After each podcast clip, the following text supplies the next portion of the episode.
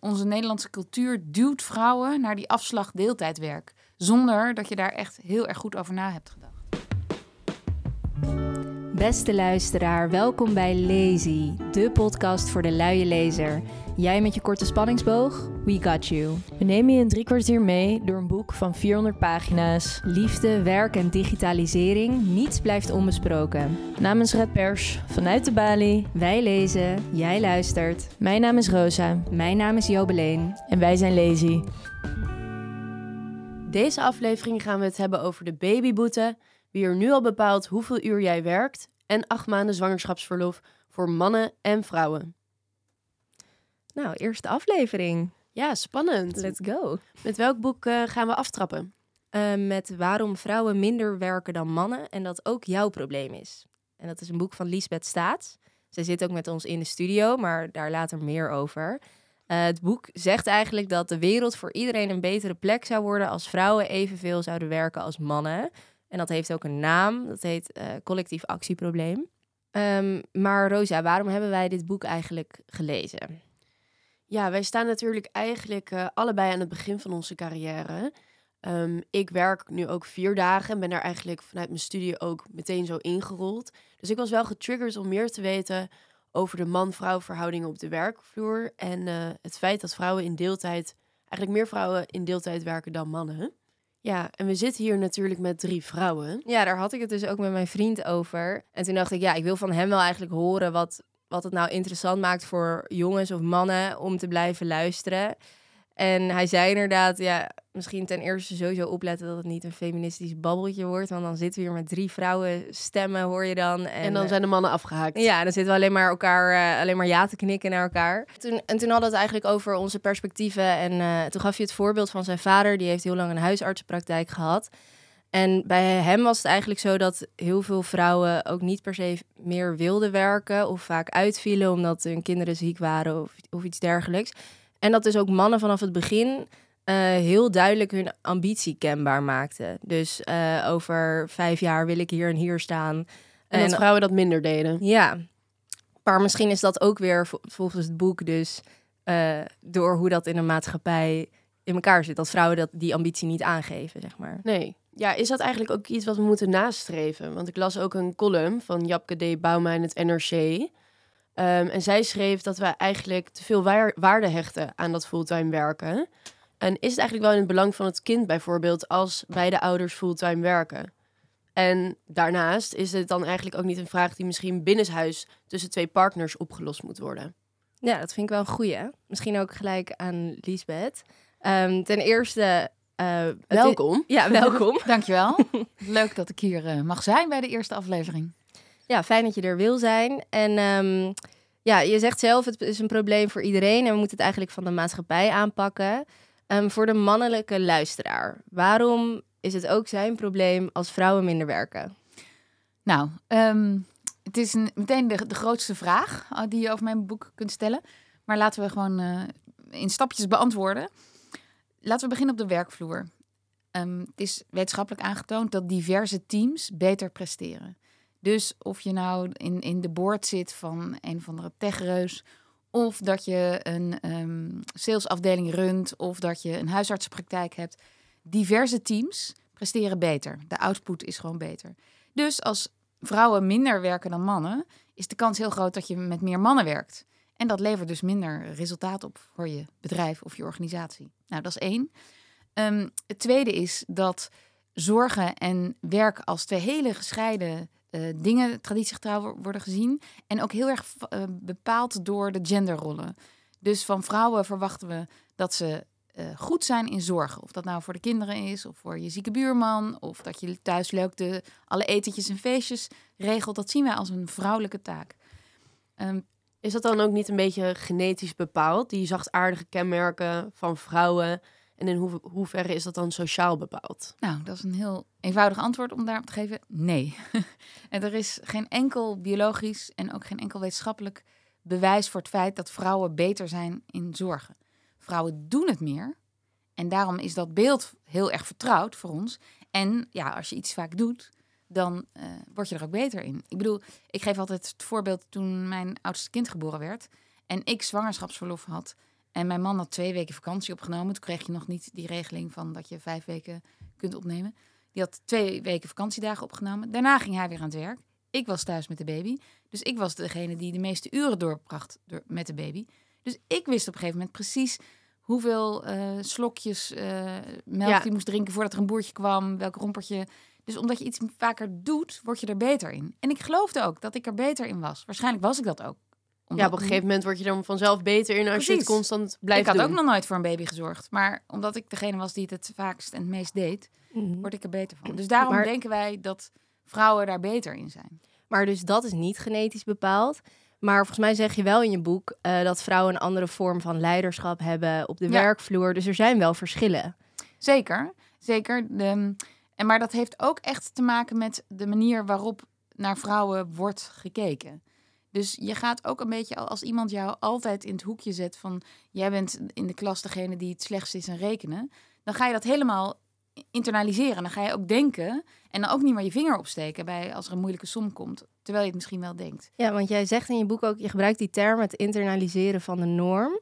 Kan je dat misschien een beetje uitleggen? Ja, nou, we zijn eh, opgegroeid door televisie te kijken, door voorbeelden uit onze eigen familie, door voorbeelden op straat, in reclames, et cetera, met bepaalde stereotypen van mannen en vrouwen. En als je dat maar vaak genoeg ziet en vaak genoeg langs al die billboards rijdt, dan ga je daar zelf in geloven en dan ga je het ook een beetje uitdragen. Nou, een beetje wat ik, wat ik net zei over het verzorgen van een baby. Je gaat geloven en ook een beetje preachen dat jij beter weet wat er met het kind moet gebeuren.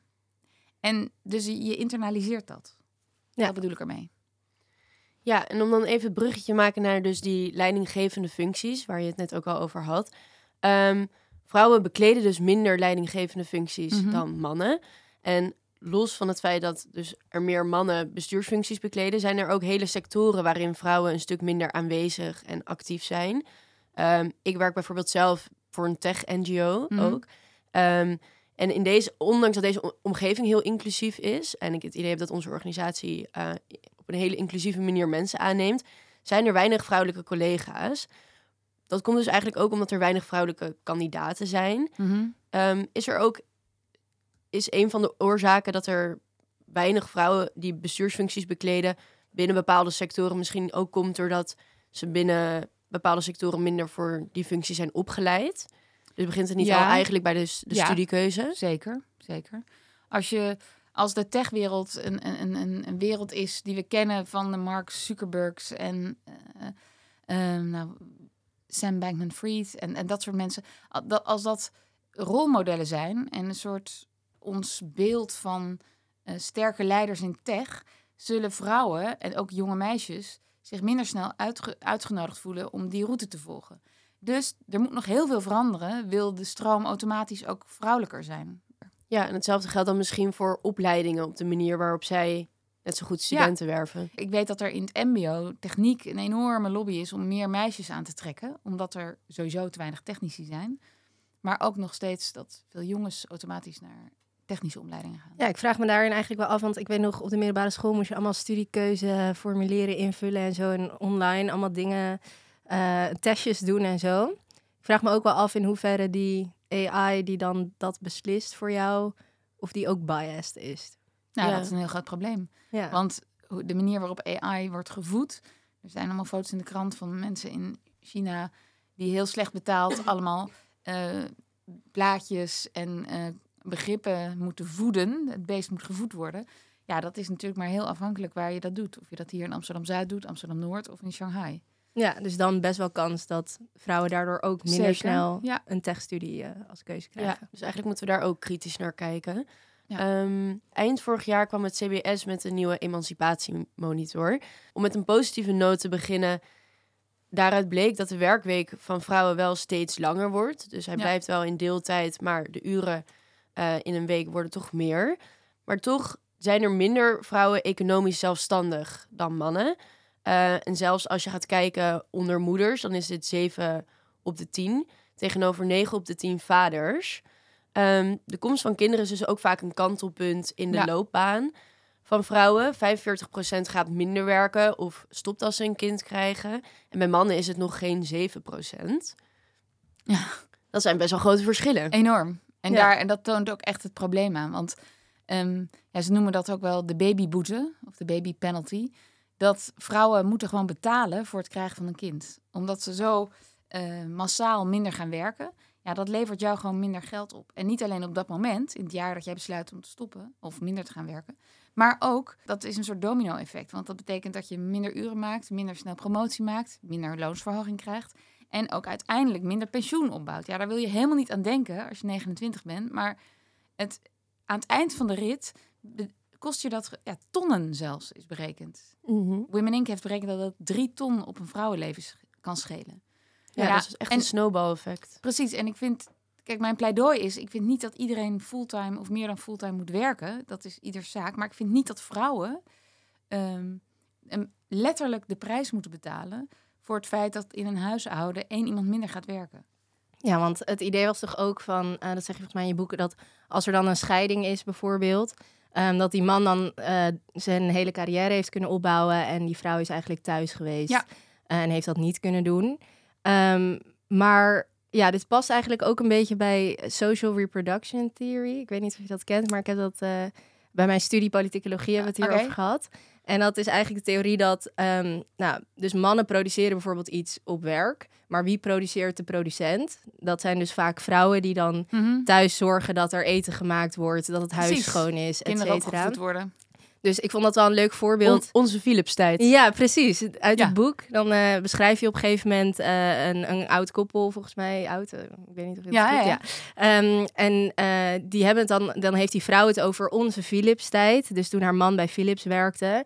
En toen zei hij terecht van dat is ook haar Philips-tijd. Want zij zorgde ervoor dat hij daar geld kon verdienen en kon werken. En 50 uur per week kon werken. Ja, Maar, en ehm, eigenlijk zou zij moeten kunnen zeggen, omdat het onze Philips tijd was, heb ik dit geld eraan overgehouden. Ik bedoel, zij is de facilitator, dus zij zou ehm, daar ook voor betaald moeten, ik doe nu aanhalingstekens, betaald moeten krijgen. Maar ik zou, eh, ik vind niet dat ze door Philips betaald zou moeten worden, maar ik vind dat je als stel onderling moet zeggen, oké, ik zorg dat jij heel veel buitenshuis kan werken.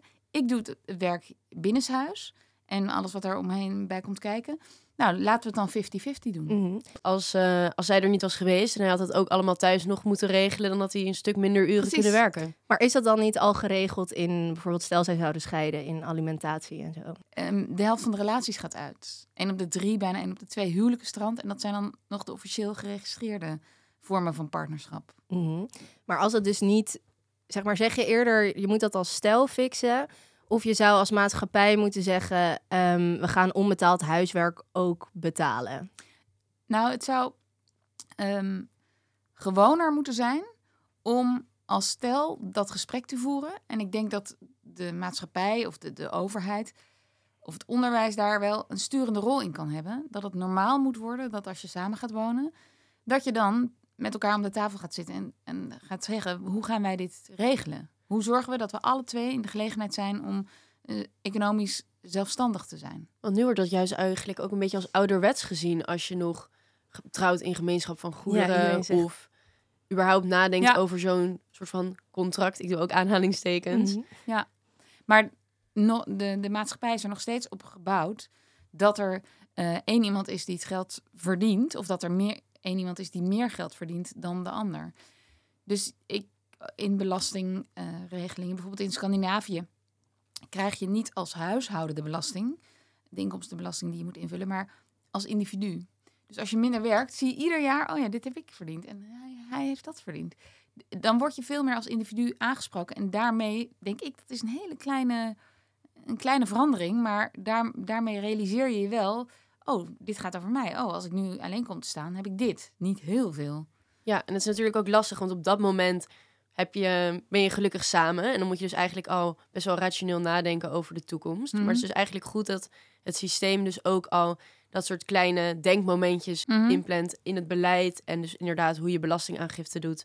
Zodat je daar gewoon Precies. eerder bij stilstaat. Ja, en daarin zou de overheid wel een soort sturende rol kunnen vervullen. Ik hoorde trouwens gisteren dat er 6,5 miljoen huishoudens in Nederland zijn. Van de 8, ruim 8 miljoen huishoudens.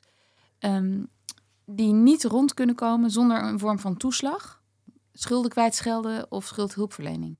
6,5 miljoen, dat is gigantisch. Dus dat is heel kunstmatig dat die mensen rond kunnen komen. Ja. En, en daar zitten heel veel eenpersoonshuishoudens bij. Dus mensen die alleen komen te staan. Mhm. En dan als er kinderen bij zijn, dan eh, maken die kinderen ook een armoedeval door. Ja. En toeslagen, ja, be- dat, dat, is een collectieve, eh, dat zijn collectieve middelen. Daar betalen we allemaal belasting voor. Dus dat is ook een maatschappelijk probleem. Daar betalen we ook voor. Maar is dat dan direct zeg maar, het probleem dat vrouwen minder werken dan mannen? Of is het dat mensen ook gewoon te weinig geld be- eh, betaald krijgen voor het werk dat ze leveren? Zeker, zeker. Dat, dat, dat is een, nou, daar is iedereen het wel over eens. Dat ehm, het, het inkomenssysteem in Nederland nu alleen maar met kunst en vliegwerk overeind wordt gehouden. Dus daar moet heel erg de bezem doorheen. Er worden ook al plannen voor gemaakt. En heel veel debatten gaan daar nog over volgen. Maar het feit is wel dat dat eigenlijk een, soort eh, verhult hoe kwetsbaar je, bent. Als je eh, alleen komt te staan en je, hebt, je bent degene die onbetaald werk heeft gedaan de hele tijd. In Nederland is deeltijd werken ook heel populair. Eh, en nu wordt dat eigenlijk ook nog steeds vaker gestimuleerd, dus om in deeltijd te gaan werken. In het boek schreef je vanuit je eigen visie op werk en heb je het ook veel over fulltime werken. Hoe kijk jij tegen deze trend aan, waarin vrouwen en mannen wellicht toch meer in deeltijd willen gaan werken? Ehm, ja, nou ja, sinds ik het boek heb geschreven en ook de serie op, voor NPO 3 heb gemaakt, krijg ik heel vaak te horen, jij wil dat iedereen fulltime gaat werken. Nou, dat, dat wil ik helemaal niet, want dat vind ik echt een privézaak. Want er kunnen zoveel redenen zijn om eh, minder te gaan werken. Zorg of een kwetsbaar kind of een, nou ja, dat, dat is ieders privézaak. Maar ik vind niet dat in een relatie de ene partner al het onbetaalde werk moet doen en de andere partner het betaalde werk. En dat dat altijd zo scheef, maar scheef, scheef, scheef en schever groeit. Dus mijn punt Mhm. is, als je alle twee wil deeltijd werken, ja, be my guest, maar zorg dat het eerlijk verdeeld is. Dus ervoor kiest bijvoorbeeld ook als vrouw zijn eh, om deeltijd te werken. Mhm. Dat je dat kiest omdat dat het beste is voor jou. En omdat Mhm. je misschien die vrije dag wil besteden aan hobby's. Mhm. En niet omdat dat opgelegd is vanuit de samenleving doordat die Nee. man fulltime werkt. Maar dat kiezen, dat vind ik heel ingewikkeld. Want ik denk dus dat dat nooit echt een vrije keuze is. Of Nou, nooit is een heel groot woord, maar dat dat in 80% van de gevallen geen echte vrije keuze is. De, onze Nederlandse cultuur duwt vrouwen naar die afslag deeltijdwerk. Zonder dat je daar echt heel erg goed over na hebt gedacht. Maar als we dus als vrouwen en mannen deeltijd zouden werken, dan zou dat ook oké. dan is dat toch ook een goede oplossing. zeg Nou ja, als je dat eerlijk verdeelt thuis, dan Ja. prima. Want dan is het alleen maar, dan komen we weer terug bij dat belang van het kind. Mhm. Eh, dan is het misschien alleen maar leuker voor dat kind als beide ouders eh, ja, in het huishouden te zien zijn. Ja, zeker. En dat is ook heel belangrijk, denk ik. Ja, nu ben ik persoonlijk ook wel benieuwd. Ik werk dus bijvoorbeeld vier dagen in de week. En dat ben ik na mijn studie meteen gaan doen. Als je daar dan bijvoorbeeld naar mijn werkweek kijkt, denk je dus dan dat ik ook al wellicht beïnvloed ben, ondanks dat ik dus geen partner heb en niet samenwoon, Ja. geen kinderen, dat ik beïnvloed ben om vier dagen te Ja, gaan denk werken? ik wel. Ja, Jij bent een heel goed voorbeeld, want er zijn dus heel veel vrouwen die na hun studie, zonder dat ze de zorg hebben voor kinderen of zo, al vier dagen gaan werken. En ik ken jouw privéverhaal niet, dat maakt ook helemaal niet uit, maar heel veel mannen eh, doen dat niet. En je zei net even eerder in het gesprek van ja, dat je dan één dag overhoudt voor hobby's en zo. Ja, dat is, dat is ook heel Nederlands. Je hebt toch weekend? Dan kun je toch hobby's in uitoefenen? Dus het is, het is echt cultuur. Het is wat we gewend zijn, hoe we opgevoed zijn. Ik ben ook opgevoed met een moeder die eh, eerst thuis was en later deeltijd ging werken. Dus dat, dat, dat is wat je eh, om je heen ziet. Maar dat is dus niet per se slecht. Als vrouwen en mannen maar dezelfde kans krijgen om zoveel te werken als ze zelf willen. Zeker. En ik vind dus dat vrouwen daar geen financiële straf voor zouden moeten krijgen. Ja. En, en luister, als je gaat scheiden, eh, wat, bereken maar eens, wat heb je nodig om een eigen huis te financieren? Merk ik ook wel onder mannelijke vrienden van mij dat ze toch ook er nu voor kiezen om bijvoorbeeld vier dagen te gaan werken en meer tijd te maken van hobby's. Dus misschien is het ook wel iets meer van onze Dat generatie. zou, dat zou heel goed kunnen. Dat Ja. zou heel goed- Ja, dat ge- over onze generatie, dat gevoel had ik soms ook. Want je zegt op een gegeven moment in je boek van ik hoop dat eh, iemand dit boek een keer vindt en dan denkt, oh, dit is super achterhaald. Ja. Heb je het gevoel dat in die, dat is in 2021, dus bijna twee jaar geleden heb je dit geschreven, eh, dat het al iets meer achterhaald geworden is? Nee, want ik kreeg net, ik zal het even voorlezen, ik kreeg net een appje en toen zat ik weer helemaal op de kast. Oh ja, dat ging naar aanleiding van eh Quote. Die heeft zo'n self-made nummer. Dus mensen die eh, jong zijn, miljonair. Nou ja, je kent die lijsten. Mhm. En eh, alle techreuzen die, die dalen significant in waarde. Nou ja, oké. Maar 96 mannen en vier vrouwen staan op die lijst. Toen dacht ik, ja, dus we, we gaan gewoon lekker 96. ja, van de, van de top 100 jonge miljonairs. Dus we gaan gewoon lekker door met het beeld. Een, een jonge, succesvolle ondernemer is man. Mhm. En dat, dus er moet echt nog heel veel gebeuren. En wellicht als je deze lijst ziet en je bent ook bezig met je studie als vrouw, motiveert dat ook niet om dan te denken, goh, ik ga na mijn studie een extra master doen en fulltime Nee. voor een baan solliciteren. Ik, ik hoorde van een uh, advocatenkantoor op de Zuidas. Die willen heel graag inclusiever zijn en meer mensen binnenhalen dan alleen uit het Rotterdamse of Utrechtse koor of het Amsterdamse koor. Ehm, dat, dat, dat willen ze ook echt, denk ik. Maar hun feestjes eindigen nog altijd in, in vrijdagmiddagborrels die uit de hand lopen, bij wijze van spreken. En hun jaarlijkse skitrip eh, eh, eh, is ook in de alcohol gedrenkt. Ja, hoe ga je... Ja, het gaat niet zozeer om die alcohol, noem ik nu twee keer. Maar ik bedoel, dat trekt wel- wel een, een bepaald soort student aan. Ja. Die dat gewend is uit de studentenvereniging. Dus als je mensen van buiten het koor wil hebben... misschien moet je ook eens andere eh, uitjes organiseren. Of andere manieren om eh goede tijd te hebben met collega's. Ja, Ja. niet naar de padelbaan gaan of de tafeltennistafel midden pontificaal op het kantoor neerzetten. Ik her- herken die verhalen wel inderdaad. Ehm, Nou, even misschien gaan we Oh door. ja, oh, nou nog één. Nog één Oh ja, ik had er nog vroeg, over. ehm, Of dat inmiddels Ja. een beetje achterhaald nou, was. Nee, het is helaas nog niet achterhaald. Maar, en dat vind ik echt een lichtpuntje, je kunt geen kranten openslaan. Of het gaat erover nu. Er Ja. wordt heel veel over gepraat. eh, eh, over inclusiviteit sowieso, maar ook echt over man-vrouw verhoudingen. Dus dat helpt bij dat beeld en bij die bewustwording ervan. Dat denk ik wel. Ja. Het is niet meer heel raar als je zegt tegenover elkaar zit en zegt van hoe gaan wij doen? Hoe gaan wij hier de huishoudpot verdelen? Ehm, het feit dat ik minder werk en hier ben, wat betekent dat voor onze financiële verdeling? Ja, want om terug te komen op onze generatie. Want dus op het gebied van werk, zeg je, is het nog helemaal niet achterhaald eigenlijk. Eh, op het gebied van het huis en het emotionele had ik bij het lezen van het boek wel het gevoel dat de jongens die ik ken Mhm. niet meer heel erg passen bij dat beeld van oké, je bent en hun moeder en eh, ze doen niks, zeg maar, of het is moeilijk voor ze om, eh, om het huishouden. Ja, heel goed. Daar ben Ja, ik heel erg blij om. maar ja. ja. ik denk dat heel veel jongens ook studenten gewoon met hun vrienden wonen en het ook een beetje netjes willen houden. En ja, dus daarin, daarin dat herkende ik gewoon niet Nee. helemaal meer. Nou, daar ben ik heel erg blij om. Dat betekent dat we wat vooruitgang boeken. Ja, Zeker. Ja. maar ik vond daarin wel weer een goed voorbeeld eh, wat wij vrouwen ook kunnen doen. Dus dit is misschien ook een goed bruggetje naar het, het laatste deel. Wat kunnen we zelf gaan doen en als maatschappij? Ehm, dat vrouwen soms een beetje moeten loslaten dat dingen in huis niet op hun eigen manier gebeuren. Dus inderdaad, als jouw man je kind eh, twee verschillende sokken geeft, laat hem lekker zo naar school Ja. gaan. Eh, Oh, dit, dit, dit zou mijn perfectionistische ik echt niet aankunnen, moet ik eerlijk zeggen. Maar goed. nou, daar, weet daar je, zit het we- voor ons. Maar ja, je hebt, je hebt trouwens ook mannen hoor, die daar heel erg eh eh, perfectionistisch in, in zijn. Maar waar mijn bezwaar is, dat, kijk, ik gun ieder zijn perfectionisme, maar ehm, mijn bezwaar is dat vrouwen dan altijd op school worden aangekeken. Ik herken dat ook, op het feit van die sokken. Zeg maar, of nou ja, dat is een beetje een flauw voorbeeld, maar eh, vrouwen worden ook al werken ze fulltime en staan ze nooit op het schoolplein. De moeder wordt beoordeeld op het feit of het kind het goed maakt, gezond is, er leuk uitziet. Dat is echt, en dat, dat is ook zo bevestigend. Mhm. Maar oké, dus dat is, mensen moeten niet vrouwen daar zo op afrekenen.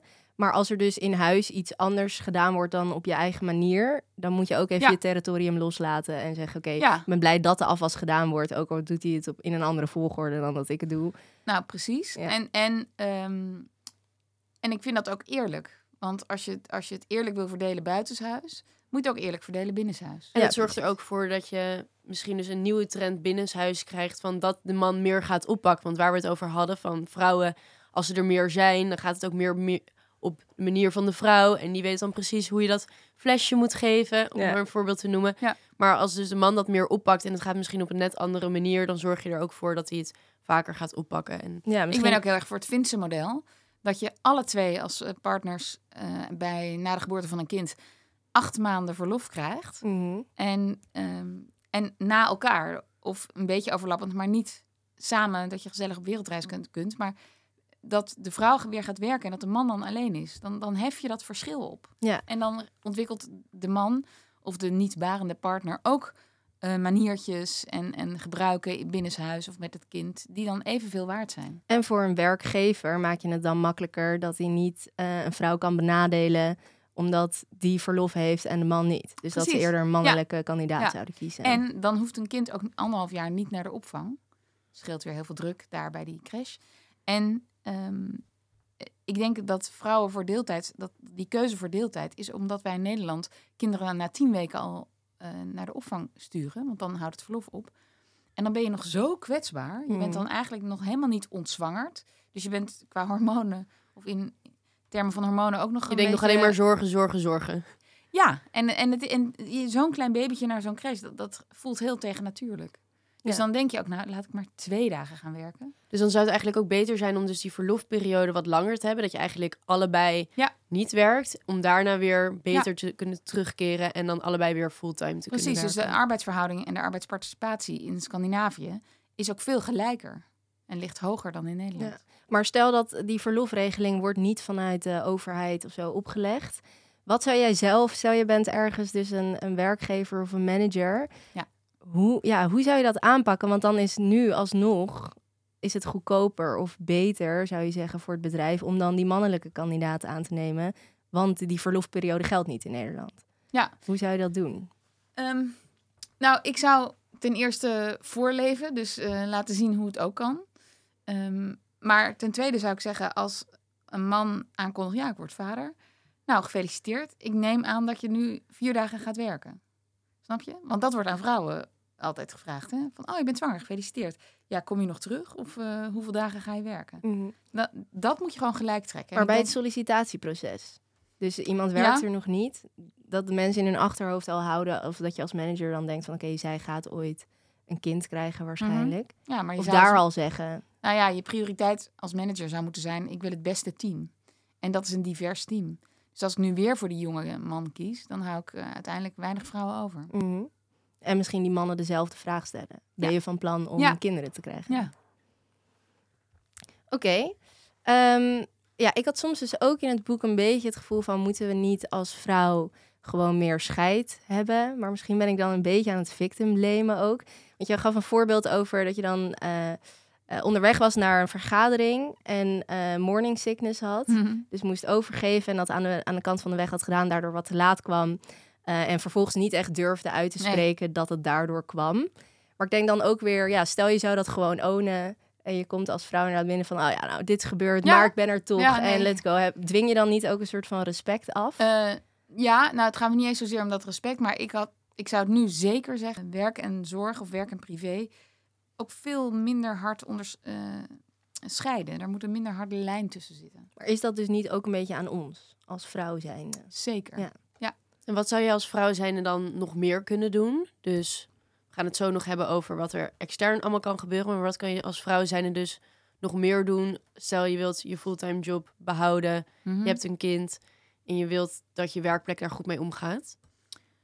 Ehm, nou, als, er, als jij denkt dat jou een vraag gesteld wordt of dat je behandeld wordt eh, op een manier omdat je vrouw bent, dan zou ik zeggen, dan zou ik altijd vragen: ehm, zou je deze vraag ook aan eh, mijn mannelijke collega's stellen? Of zou je deze vraag ook, of zou je deze beslissing ook genomen hebben als ik een man was? Dat kun je altijd bevragen. Dus dan, dat triggert ook weer het denkpatroon van wellicht je leidinggevende over Ja. wat er gebeurt op de werkvloer. En kijk, in- we hebben het nu heel erg over mannen en vrouwen.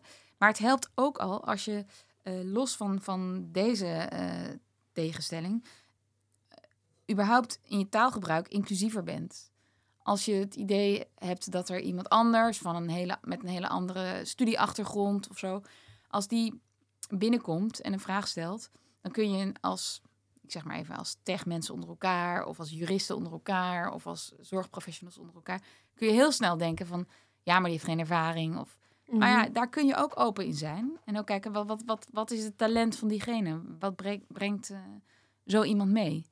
En als je daar ook opener over bent... of dat ook kritischer bevraagt... over je eigen eh, vooroordelen... of als, als collectief of als team... hoe je over dingen nadenkt... dan worden ook de man-vrouw dingen minder vanzelfsprekend. Nou, Ja. en ook nog wel even een ehm, eh, punt voor de mannen. Kijk, hoe wij nu over mannen en vrouwen op de werkvloer denken, dat is ook echt helemaal niet zo fijn voor mannen. Want eh, ehm, we hebben het nu over stoer zijn en, en, en als one of the guys gezien worden. Zolang wij leiderschap nog heel erg definiëren als iets stoers en eh, een beetje de grootste alfaman, dat is de beste leider. Ja, er zijn helemaal niet zoveel heel grote alfamannen. Er zijn natuurlijk ook heel veel mannen die eh, heel goed zijn in hun vak, maar dat niet eh, van de tafel hoeven schreeuwen. Inderdaad, en ik herken dit ook wel van bij bijvoorbeeld een studiekeuze. Dat ik wat oude klasgenoten had die bijvoorbeeld, als je dus een zaal inloopt bij bedrijfskunde, dan zit het gewoon vol met jongens. En dat dat volgens mij ook wel mijn mannelijke klasgenoten beïnvloeden om bijvoorbeeld voor bedrijfskunde te kiezen en niet voor psychologie. Dus Ja. andersom kan Werkt het inderdaad ook? Ja. ook, ja. jongens en mannen ten goede komen als het eigenlijk gewoon Nou ja, en zolang die, die sectoren eh, plekken zijn waar de alfaman heel succesvol is, ja, dan hou je dus ook heel veel talent weg bij die studies, die, dat, die zich daar niet zo tot aangetrokken voelen. Ook jongens. Eh, ja, dat is doodzonde. Maar volgens mij belonen wij ook als maatschappij meer de soort mannen, de, de mannensectoren, meer Ja. dan bijvoorbeeld dingen die geassocieerd worden met het huishouden, dus zorg Ja. en eh, ja, onderwijs. onderwijs. Hey. Ja, dat is, dat is zelfs eh, dramatisch. Hè? Als in een sector meer vrouwen gaan werken, dan zakt de beloning naar beneden. Dan, krijgen mensen, dan wordt dat minder goed betaald. ja, erg. Terwijl tijdens corona waren zorg en onderwijs opeens de cruciale beroepen. En stonden wij daar letterlijk voor te applaudisseren. Nou, dat sloeg, slaat echt, echt nergens op dat we dat nu alweer vergeten zijn. En dat dat nog zo'n eh, verschil in betaling is. Nou, Misschien een goed bruggetje naar wat eh, er dus extern kan gebeuren. Wat is bijvoorbeeld als je dan dus kijkt naar dus die kloof tussen beroepen en inkomsten daarin. Wat is dan iets bijvoorbeeld wat de politiek daaraan zou kunnen doen? Of vanuit beleid wat er kan veranderen om toch te zorgen dat die waardering, behalve ja, meer betalen. Maar dan Ja. zullen ze zeggen van, ja, dat zijn grote sectoren, dat kost veel. Mhm.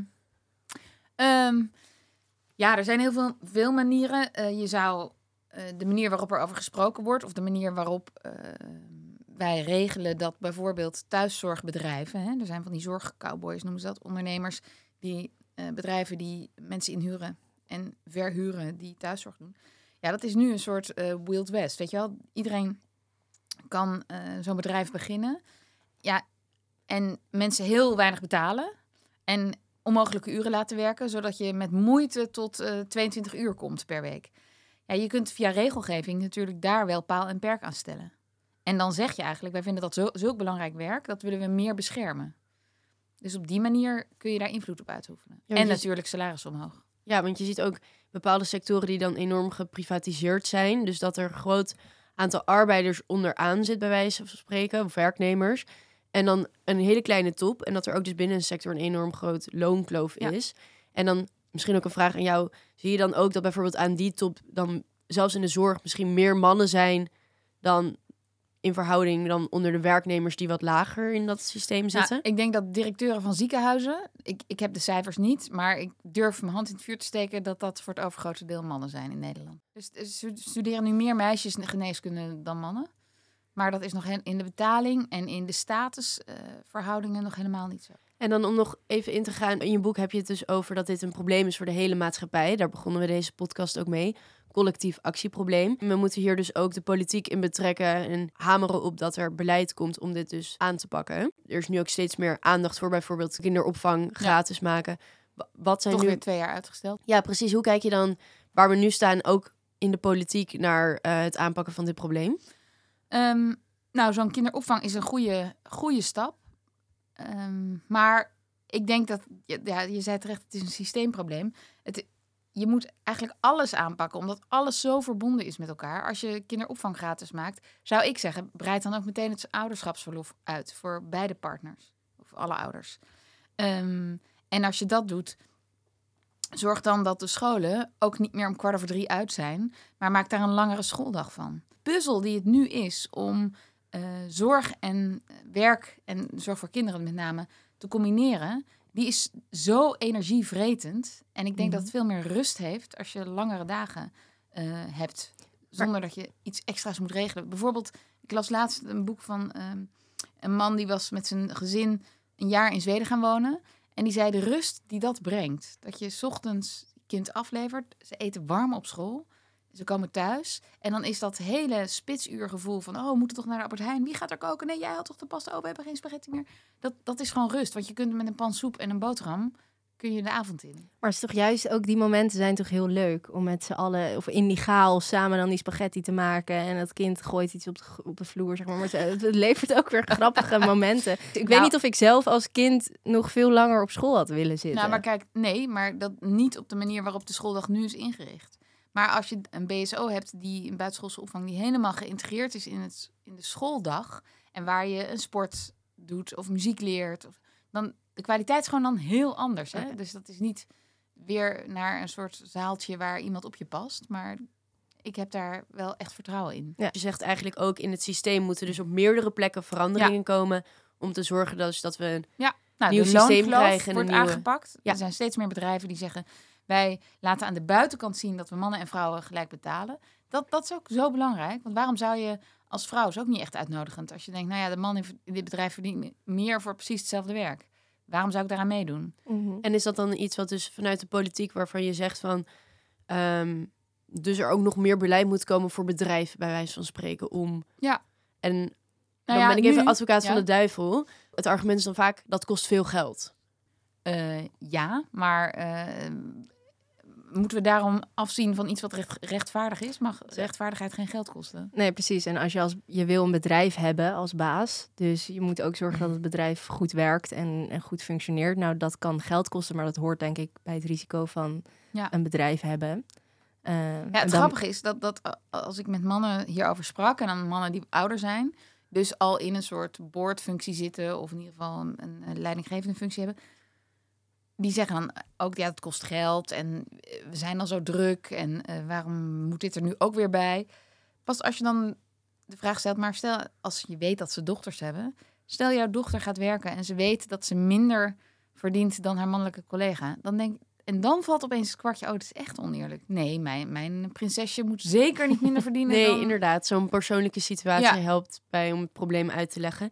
En misschien dus ook een extern incentive, dus vanuit de politiek, bijvoorbeeld zo'n vrouwen of zo'n quotum opleggen voor meer vrouwen aan de top. Hoe kijk je daar? Ja, daar ben ik heel erg voor. Daar, want we hebben zo lang gewacht op dat het zou allemaal op tijd kosten, maar het zou allemaal gelijk getrokken worden. Nou, dat gebeurt gewoon niet. Als, als er drie mannen in een sollicitatiecommissie zitten en er komt een jonge vent binnen, dan twee van die mannen herkennen zich in die jongen en daardoor onbewust vinden ze hem een goede kandidaat.